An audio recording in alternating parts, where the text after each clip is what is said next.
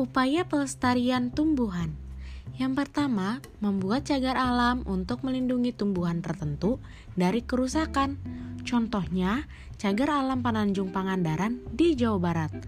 Lalu yang kedua, menjaga keberadaan hutan dengan tidak menebang pohon sembarangan. Lalu yang ketiga, melakukan tebang pilih dan tebang tanam. Lalu yang keempat, melakukan penghijauan atau reboisasi. Dan yang kelima, mengembang biakan tumbuhan langka dengan kultur jaringan atau memperbanyak jaringan tumbuhan menjadi tumbuhan baru. thank you